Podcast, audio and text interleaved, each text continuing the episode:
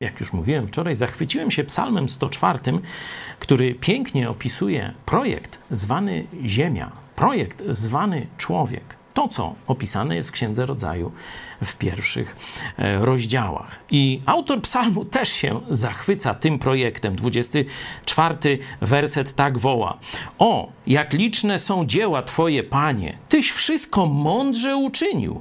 Ziemia jest pełna dóbr Twoich. Czyli zachwyca się tym projektem. Oddaje Bogu chwałę następnie. Ale ciekawy jest ostatni werset tego psalmu. On cały opisuje doskonałość.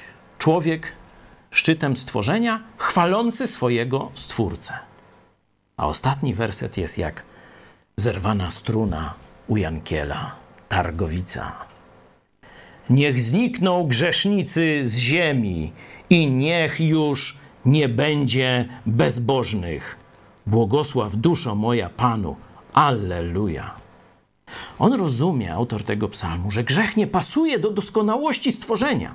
Grzech jest i ci, którzy do grzechu swoje serce przyspawali, co, ko, którzy kochają grzech, czyli grzesznicy, nie pasują do tego doskonałego projektu. Grzesznicy i grzech są tymczasowo w tym świecie. Jezus rzeczywiście odpowiedział na to pragnienie i zapowiedział swój drugie, swoje drugie przyjście. Teraz zapłacił za ciebie i za mnie karę. Czyli żądło grzechu zostało złamane. Już nie musisz iść do piekła jako kara za grzech, ale Jezus obiecał wrócić, oczyścić ziemię z grzechu. Jak myślisz, co zrobi z tymi, którzy nie będą chcieli do Niego zawołać o ratunek, a ukochają grzech, czyli z grzesznikami? Przeczytaj sobie Księgę Apokalipsy.